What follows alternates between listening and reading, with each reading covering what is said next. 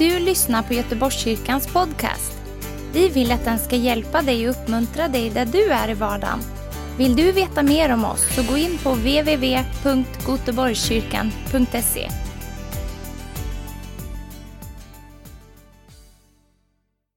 Amen. Jesus, jag vill bara tacka dig för ditt ord, för att det är levande, för att det är verkligt. Tack Jesus för att eh, du är levande, tack för att du är uppstånden och tack för att du är här mitt ibland oss idag Herre. Tack helige Ande för att du verkar också och du gör ordet levande och du gör också Jesus levande för oss. Jag bara prisar dig för det i Jesu namn. Amen. Vi är alltså i Apostlagärningarna 13 och eh, jag ska börja från vers 26. Eh, Boris han eh, predikade fram till vers 25 förra gången. Och lyssna gärna på den predikan, var jättebra. Eh, men här kommer vi egentligen in mitt i en predikan som Paulus håller. Den här predikan som Paulus håller, det är liksom den, det, den är nedskriven från början till slut. Och det är den första predikan som vi kan läsa om, liksom hur, hur Paulus han upp sin predikan och hur han talade och så vidare. Så det är, ganska, eller det är väldigt lärorikt att titta på predikan, vad han sa, hur han la upp det. Man skulle kunna sätta in den i punkter och så vidare. och så vidare. Eh, den här predikan den, den, börjar egentligen i vers 16 och där var ju, där var ju Boris innan och, och liksom i avslutningen och, och, och liksom talade lite om det som var där och jag ska inte gå tillbaka till det. Men den börjar i vers 16 och den går fram till vers 41 den här predikan. Eh, den, den delen fram till vers 16, från vers 16 till 26, där, där går Paulus tillbaka och ger liksom en historisk bild. Han går tillbaka till fäderna, han går tillbaka till liksom att Israel och judarna de är Guds egendomsfolk och så vidare. Han går tillbaka och så följer han liksom momentet, liksom momentum hela vägen där, ända fram tills, tills vi kommer in till vers 26 där. Och man kan väl säga så här att att Israel, eller judarna, de kunde verkligen sina skrifter. De samlades varje sabbat, man gick igenom skrifterna, man studerade och så vidare. Så att, så att eh, de som var här i, i Antiochia, i synagogan i, i, synagogan i Presidien, de, de, kunde skrifterna och när Paulus han liksom får ordet där då så börjar han att gå tillbaka till historien och går igenom de mäktiga gärningarna som de, och de kunde det här och de älskade detta. Judarna älskade liksom att gå tillbaka till skrifterna och till fäderna och tala om det. De var stolta över att vara Guds folk. Så att där liksom hade han deras öra på en enda gång. De var med honom liksom i predikan från första början. Eh, och det är inte fel att kunna sin historia. Det är inte fel, utan det är en styrka att kunna skrifterna. Det är en styrka att, att liksom läsa Guds ord och lära sig vad Guds ord säger. Det är en väldig styrka att göra det. Eh, så att eh, det var något väldigt positivt för dem. Men sen så när han kom till vers 26, eller inte till vers 26 utan redan i vers 23 så ändrar han fokus lite grann.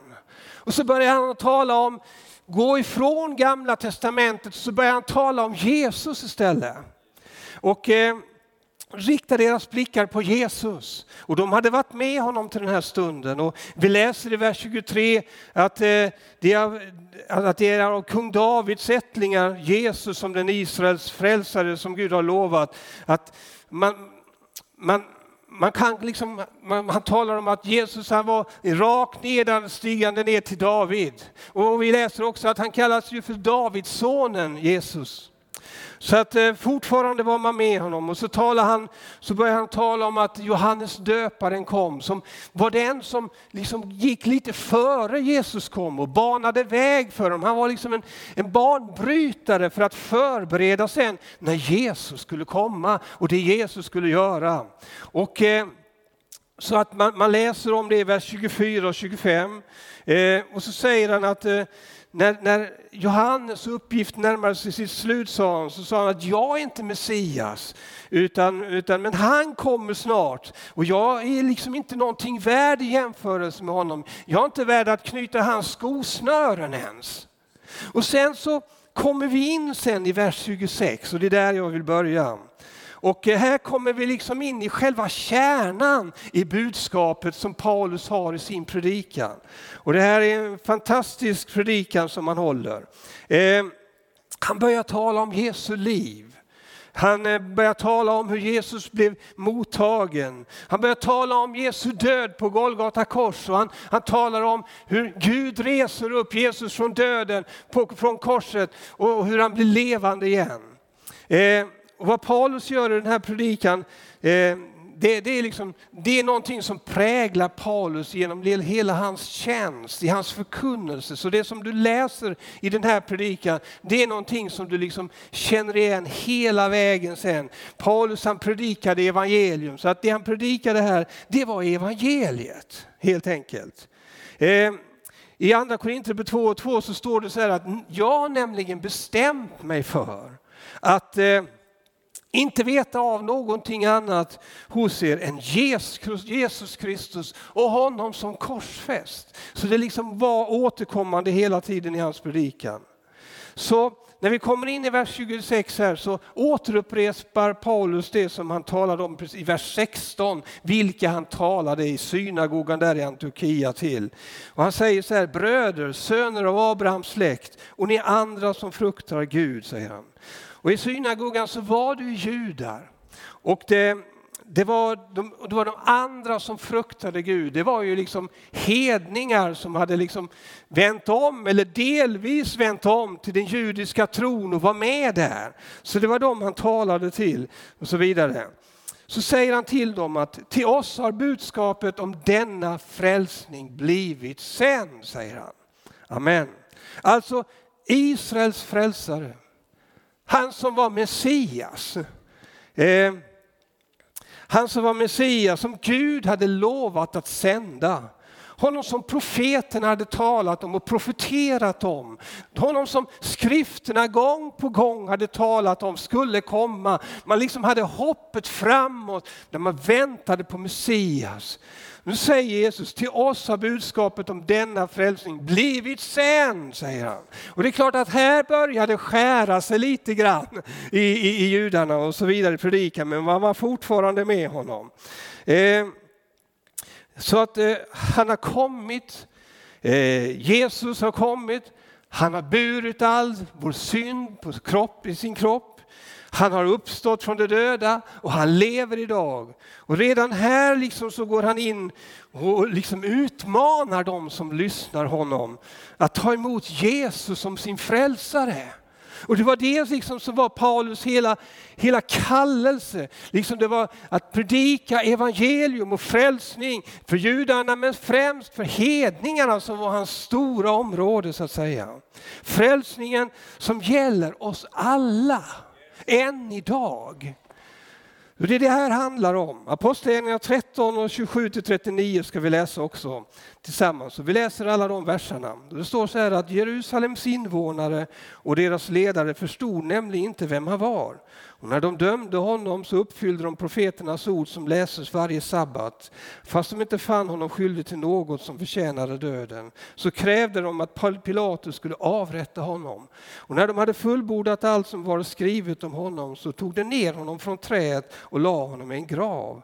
Men Gud uppväckte honom från de döda och han visade sig under många dagar för dem som hade följt honom från Galileen upp till Jerusalem och som nu är vittnen inför folket. Och nu förkunnar vi det glada budskapet för er. Löftet som fäderna fick har Gud uppfyllt åt oss, deras barn, genom att låta Jesus uppstå. Det står ju skrivet i andra salmen, du är min son och jag har fött dig idag. Och han har uppväckt honom från de döda för att aldrig mer återvända till förgängelsen. Och det var han som sagt, dessa, sagt med dessa ord, jag ska ge er den heliga, det heliga och fasta nådelöftet som David fick. Därför säger han också på ett annat ställe, du ska inte låta din, hel, din helige se förgängelsen. När David på sin tid hade tjänat Guds vilja insomnade han och blev lagd till vila av sina fäder och såg förgängelsen. Men den som Gud uppväckte har inte sett förgängelsen. Och därför ska ni veta bröder att det är genom honom som syndernas förlåtelse förkunnas för er. Var och en som tror förklaras rättfärdig i honom och fri från allt som ni inte kunde frias från genom Mose lag. Stanna där. Paulus han börjar genom att ta dem till Jerusalem, tillbaka liksom till den situationen där Jesus liksom, eh, tillfångatas, där han, eh, där han förs fram och liksom hängs på, upp på korset, där han dör på korset och där han också sen uppstår för korset. Men han tar dem tillbaka till Jerusalem, in, eh, invånare och alla dess ledare, deras andliga ledare. Du vet att andra judar, de här som lyssnade på honom här i, i Antiochia, de hade ju inte varit med i Jerusalem. Och det innebar på ett sätt så kunde man inte klanka dem för det som hände i Jerusalem. Och, och, och, utan, men han för dem till Jerusalem och talar om Jesu korsfästelse. Och, eh, i och med, även om de inte hade ett ansvar för det som hände där så läser vi ändå i Johannes 1.11 så här att han kom till det som var hans eget.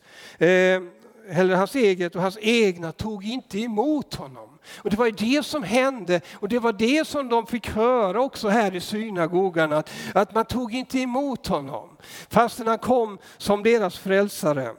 Men även om de inte var där Även om de inte var delaktiga i själva handlingen till att Jesus dog på korset så, så är det ändå på det sättet att, eh, och de kunde inte det på det sättet ställa till svars för det som hände där.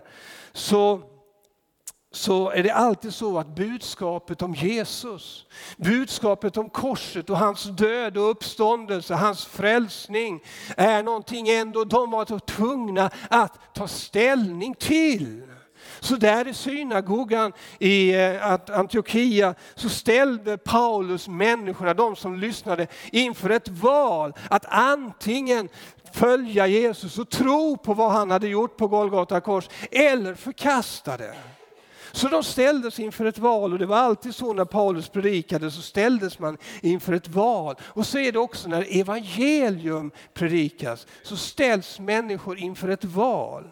Du vet att i religionen som vi har, vi har olika religioner i vår värld.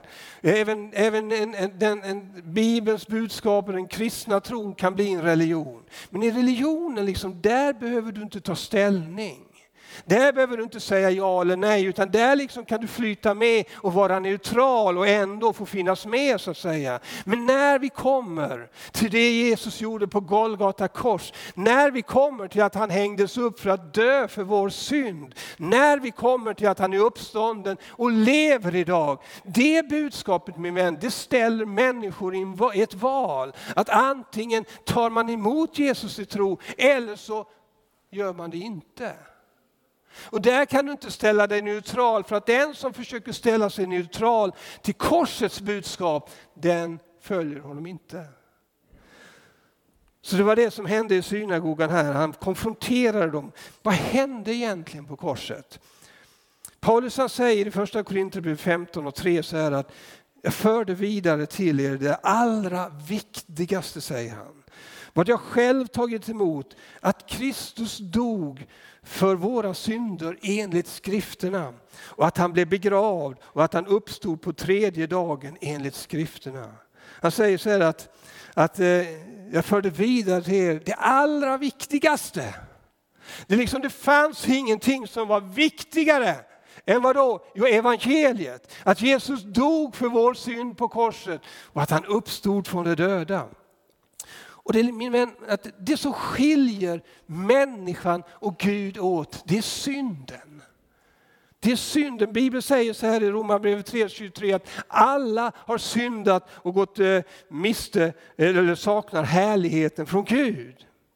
Och det vanligaste ordet för synd som vi har i Nya Testamentet, ett av de vanliga orden, det är hamartia. Det grekiska ordet står det bland annat i Romarbrevet 5 och 12 om det. Eh, och det, det, det, liksom, det, det betecknar både en yttre handling men det betecknar också ett tillstånd. Så synden är inte bara att jag gör en handling utan synd är också ett tillstånd som jag lever i. Och eh, Det är liksom ett, ett tillstånd som jag lever i så länge jag är borta från Gud. Och att jag är borta från Gud lever, gör att jag lever i tillstånd av synd. Och när jag lever i det här eh, tillståndet eh, i synden så bär det med sig också att jag har en skuld inför Gud. Som jag bär med mig hela tiden och det är det som gör att synden det påverkar människan, dig och mig, våra liv. Och vilket gör att synden, en del vill inte tala om synd. Men, men vi talar så oerhört om klimatkrisen, vilket är rätt.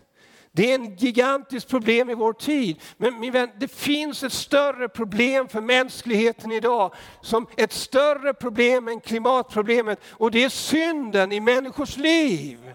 Människor har större behov av att göra upp med synden i sina liv än att göra upp med klimatet. Så gör vi inte någon motsats i det på det sättet.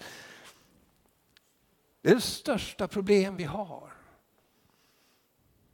Och det är det som Jesus tar itu med på Golgata kors. Det är det han gör upp med på korset när han bär alla människors synd upp i sin egen kropp tar straffet för synden. Varför? Jo, av kärlek till dig och mig, av en längtan att du och jag ska få bli fria från synden och få, in en, få tillbaka ett tillstånd där vi har gemenskap med Gud igen, utan skam och utan skuld. Det är det Jesus gör på Golgata kors.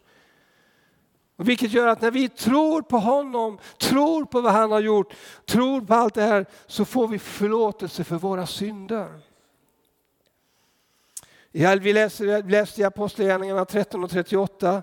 Jag läser för Handbok för livet denna gång. I denne man, Jesus, finns det förlåtelse för era synder alla som tror på honom blir fria från, all, från alla skulder och förklaras för rättfärdiga, något som den judiska lagen aldrig kunde göra. Det här mina vänner, det här är det, det, är det glada budskapet. Det är det glada budskap som den här bibeln talar om. Det är ett fantastiskt budskap. Det här är evangelium som Paulus talar om. Det var det som han förkunnade. Det glada budskapet om löftet som fäderna hade, alltså som, som gick i uppfyllelse i Jesus Kristus. Jesus gjorde det på Golgata, det Jesus gjorde på Golgata kors, det kunde inte lagen göra. Mose lag kunde inte göra det. Och, och, och judarna de, de, de följde ju lagen. Och liksom de trodde att lagen kunde frälsa dem och rädda dem. Men lagen kunde inte det. Nu är det så att lagen, det, det har ett syfte. Lagen är också något gott. Lagen fanns där, lagen talade om för, för människorna att de hade synd i sina liv, annars hade de aldrig fått reda på det. Men lagen talade om för människorna att de hade synd i sina liv. Lagen är som en spegel. Om du, om du tar en spegel och sätter dig framför dig så ser du hur det ser ut, eller hur? Och ibland känner man så här, wow, det kunde väl varit lite bättre. Men lagen och spegeln hade samma, har samma syfte. Den talar om för oss vem vi är eller hur vi ser ut. Och, även, och då ser vi så här, och lagen talade om för människor att det finns synd i ditt liv. Precis som spegeln talar om för mig, Anders, det är så här du ser ut. Okej, okay. inget att göra åt. Den har ett syfte. Men lagen kunde inte förvandla människor eller förändra människor. Lagen, om du följer den till 100 procent, då kunde den frälsa dig. Men det fanns ingen människa någonsin som kunde följa lagen till 100 procent. Vilket innebar att det var omöjligt. Så att om du vill följa lagen och uppleva frälsning genom lagen, då är du dömd. Fortsatt att leva skuld och skam. Liksom spegeln kan inte förändra mitt utseende. Om jag är okammad och kommer till spegeln så säger jag till spegeln, kan du inte fixa till min frisyr lite grann så det ser lite bättre ut? Det kan inte det. Utan det är någonting annat som måste till för att det ska ändras. Och likadant så behövde lagen någonting mer. Och, och Gud han sände sin son Jesus Kristus och han gjorde det på Golgata kors som inte lagen kunde fixa till. Han kunde frälsa människor, bära deras synd så att de kunde bli fria från synden. Halleluja. Det är det här som, som eh, Paulus predikar om. Jesus dör han på korset och eh, han ropar det är fullbordat. Det är enorma verkningar. Jorden skakar, förlåten rämnar mitt i tu i templet. Och det gör, gengör ända ner i dödsriket och ända in i himlen. Det krossade, där krossade Jesus syndens makt. Så tog man ner honom och så la honom på, på en grav. Tre dagar därefter så reser Gud upp Jesus från de döda. Amen. Han reser honom ut. Och vi läste i vers 30, men Gud uppväckte honom från de döda och han visade sig under många dagar för dem som hade följt honom från Galileen eh, upp till Jerusalem och som nu är vittnen inför folket, står det. Att Jesus uppstod från, döda, från, från död, döda män, det betyder allt. Det betyder allt. I första Korinthierbrevet 15 och 17 så står det så här att men om Kristus inte uppstått då är er tro meningslös. Och ni är fortfarande kvar i era synder. Och I så fall är det som är insomnat i Kristus förlorade. Om det, bara för detta liv, om, om det bara är för detta liv vi har i vårt hopp i, i Kristus, då är vi det ömkligaste av alla människor. Men nu har verkligen Kristus uppstått från de döda. Förstlingen av de insomnade. Min vän, att Jesus uppstod bara bekräftades. Fredrik, du kan göra dig redo. Det bara bekräftar att det här var på riktigt. Det här var på sant, det här var sanning. Det här kunde vara med och förvandla människor, människors liv. Och Jesus han, eller Jesus han visade sig för många människor. redan de 40 dagarna därefter, vid 12 olika sammanhang, så var det mer än 500 människor som såg honom, som rörde vid honom, som lyssnade på honom och upplevde att han är uppstånden. Och min bekänna, det står så här att om du därför med din mun bekänner att Jesus är Herre och ditt hjärta tror att Gud har uppväckt honom från döda så ska du bli frälst. Alltså det var tron på uppståndelsen i ditt hjärta som frälser dig. Och Jesus är uppstånden vilket gör att du och ditt liv kan bli förvandlat idag. För sen, så har, år, sen har tu, flera tusen år gått efter det här och fortfarande är det dag så är det miljoner människor som tar emot Jesus Kristus i sina hjärtan som uppstånden. Och Paulus han säger så här att jag skäms inte för evangelium för det är en Guds Guds kraft till frälsning. En kraft som kan förvandla varje människa, som kan hela dig, som kan upprätta dig och befria dig. Amen. Underbart alltså. Och två härliga predikningar, både Paulus predikan och Anders predikan. Helt fantastiskt. Vi ska stå upp tillsammans nu så läser vi de sista verserna i kapitel 13. Eh, det kan ni göra hemma också, ni som tittar på tv där, så får vi lite luft i systemet. Så läser vi från vers 40 och till kapitlets slut. Se därför till att det som är sagt hos profeterna inte drabbar er. Se ni föraktare, häpna och gå under.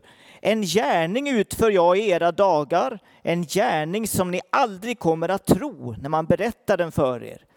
När de gick ut bad folket att de nästa sabbat skulle tala om detta för dem. Och då man skildes åt följde många judar och gudfruktiga proselyter med Paulus och Barnabas som talade till dem och uppmanade dem att förbli i Guds nåd. Följande sabbat samlades nästan hela staden för att lyssna till Herrens ord. När judarna fick se allt folket fylldes de av avund och hånade Paulus och sa emot honom när han predikade. Då svarade Paulus och Barnabas frimodigt. Guds ord måste predikas för er.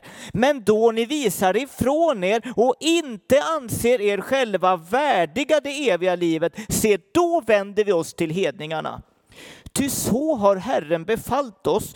Jag har satt dig till ett ljus för hedningarna för att du skall bli till frälsning in till jordens yttersta gräns. Som en parentes, Sverige ligger inom jordens yttersta gräns. Halleluja.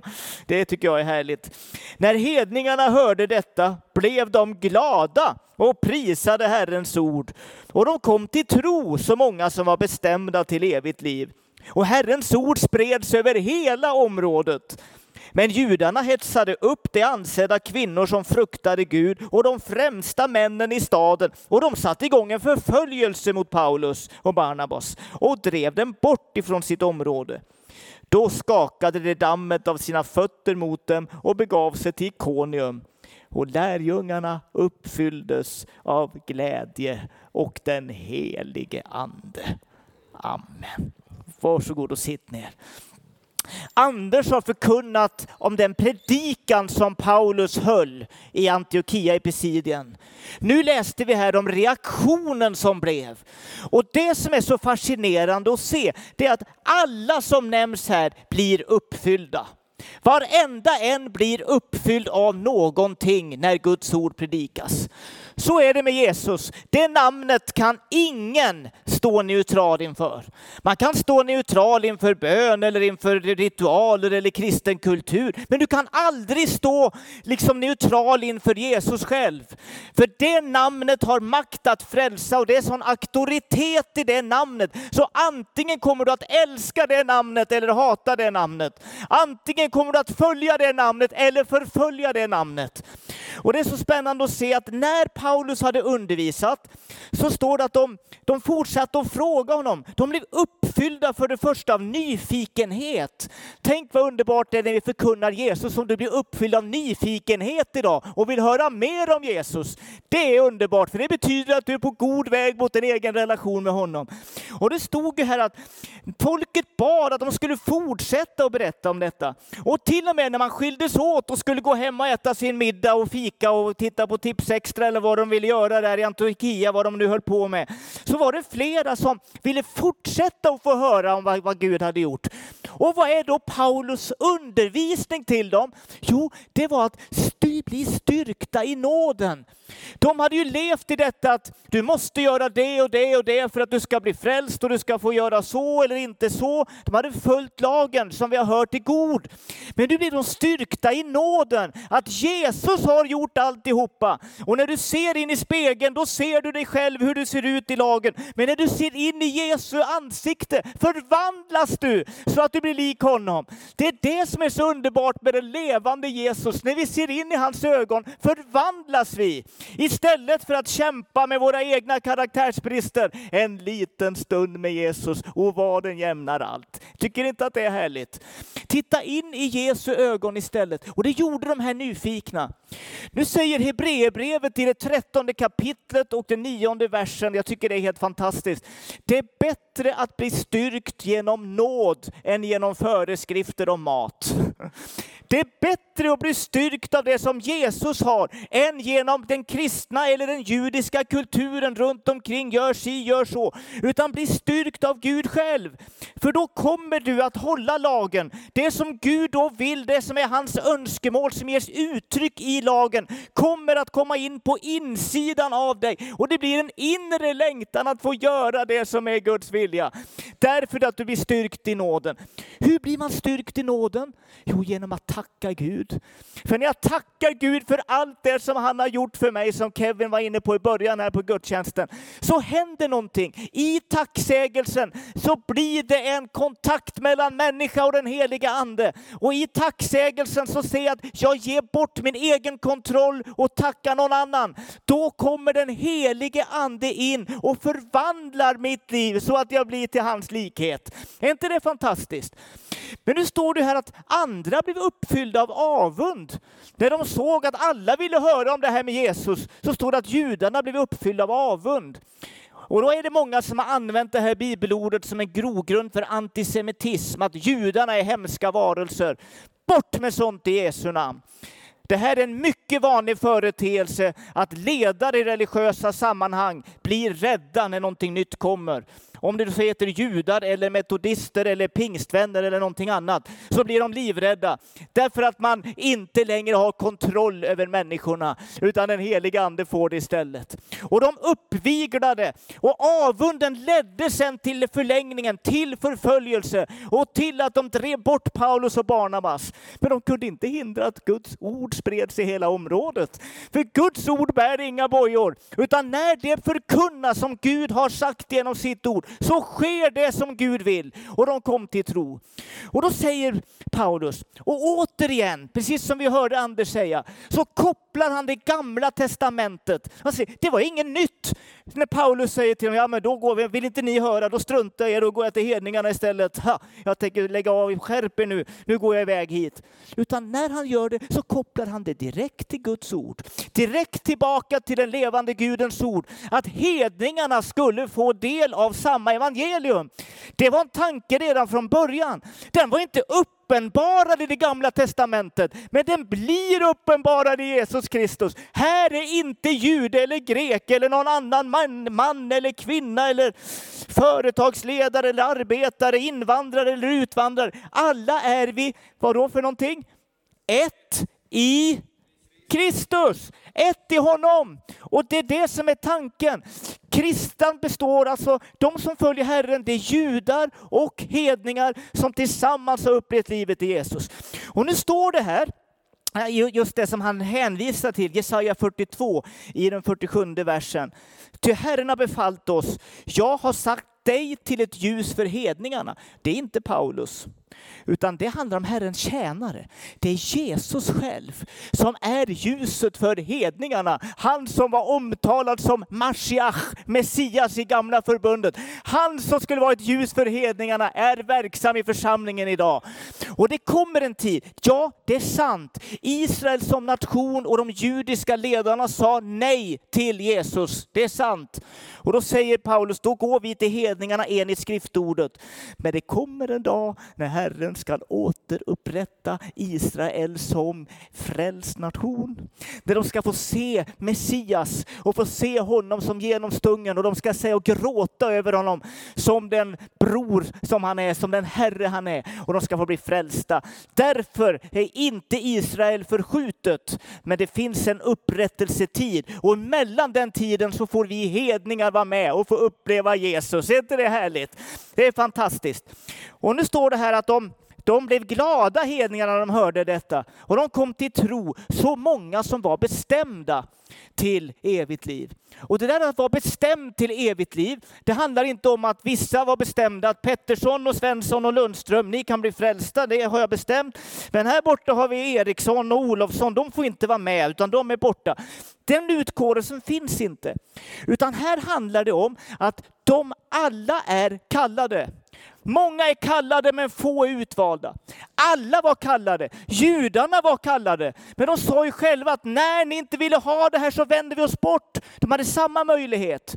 Du har, läser du i, i, från predikan här tidigare i kapitlet så står det ju uttryckligen att var och en som tror förklaras rättfärdig. Och nu ska jag berätta om min fru. Vill ni höra om min fru lite? Jag älskar henne. Innan jag blev ihop med henne så kände jag, det här har jag berättat för några, så kände jag på insidan, jag vill att Rebecka ska bli min fru. Då blev hon min kallade. Jag kallade på henne. och sa, Kom kvinna. Nej, det sa jag inte. Vänta, jag, fel, fel, fel. Nu går vi tillbaka. Vi avbryter sändningen där lite och så. Utan jag sa, när jag mötte henne, det här är ju den jag älskar. Och när jag, jag bad till Gud, jag kände den här glädjen. Och jag, vi talade om livet. Och jag kallade på henne i den bemärkelsen att vill du bli min? Hon sa ja. Hon sa ja. Hon har hållit ut i 21 år. Visst är det underbart? Vi älskar varandra mer än någonsin. I det ögonblicket när hon sa ja blev hon min utvalda. Annars hade jag tvingat mig på henne. Men när hon valde att säga ja till min kallelse, då blev hon min utvalda. Eller hur Rebecka? Ja, det, det, är så, när vi talar om Gud, om vi tar det här i en överförd mening, så finns det de som menar att Gud kommer se till att de som ska bli frälsta blir frälsta. Alltså att han tvingar sig på en nåd som man inte kan stå emot. Det finns inget sånt i Bibeln. Det handlar om frivillighet, att verkligen ge sig, ja det här vill jag. Och det är Gud som påverkar det. Omvändelsen är en Guds gåva från början till slut. Men när vi säger ja till den kallelsen blir du hans utvalde. Och därför du som brottas med det, är jag verkligen utvald, får jag vara med? Så säger Bibeln tydligt att Gud kallar på alla. Han vill att alla människor ska bli frälsta och komma till insikt om sanningen. Och vid det budskapet så bryter förföljelsen ut. Därför att religiösa människor kan inte klara av detta, att man kan ha en levande kärleksrelation med Gud. Och de uppviglar alla möjliga, både kvinnor och män och sådana som är i stadens centrum där, för att de ska kunna få iväg med Paulus och Barnabas. Men vet du vad som händer då? När världen blir uppfylld av hat så blir den som är utvald och har sagt ja till Gud uppfylld av den helige ande och glädje. Är inte det fantastiskt? Där kommer vi landa nu i den här predikan. Responsen blir alltid att alla blir uppfyllda. Och jag hoppas att du blir uppfylld av ett intresse som proselyterna och judarna blev, som leder till en uppfyllning av glädje i den helige Ande. Och inte avund, för det är för dig också, min vän. Du som ser på det här i tv-sändningen, jag vill vända mig speciellt till dig. Det finns bara två alternativ när det gäller Jesus och det är att säga ja eller att säga nej. Det finns ingen neutralitet. Nåden som har blivit uppenbarad, den är för alla människor där Gud visar att utan att du har förtjänat det så får du vara min och leva i relation tillsammans med mig. Och din uppgift är att ta emot den nåd, den gåva som kallas för omvändelse och säga ja Herre, jag vänder mig om och jag vill gå med dig och följa dig. Förlåt mig min synd. För det kommer en dag när vi alla ska stå inför domstolen, inför Guds tron. Och det här är allvarligt, men det är också härligt. För då kommer den som tror på Gud bli uppfylld av helig ande och känna tack att det räcker hela vägen ända hem i evigheten. Därför min vän, tveka inte. Du vet inte hur många möjligheter du har. Gör din sak klar med Gud idag. Säg till honom, uppfyll mig med helig ande. Jag vill omvända mig från allt det som finns så att jag får leva med dig. I Jesu Kristi namn. Amen.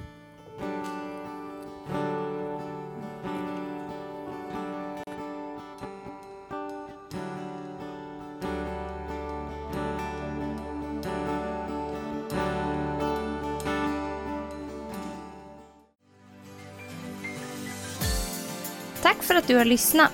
Dela gärna podden med dina vänner och glöm inte prenumerera. Om du har frågor eller vill att vi ska be för något så mejla oss på info På söndagar har vi veckans höjdpunkt. Då firar vi gudstjänst tillsammans och det vore så kul att träffa dig där. Men vi har även samlingar för barn då? Gå in på vår hemsida goteborgskyrkan.se så får du veta mer. Välkommen till oss!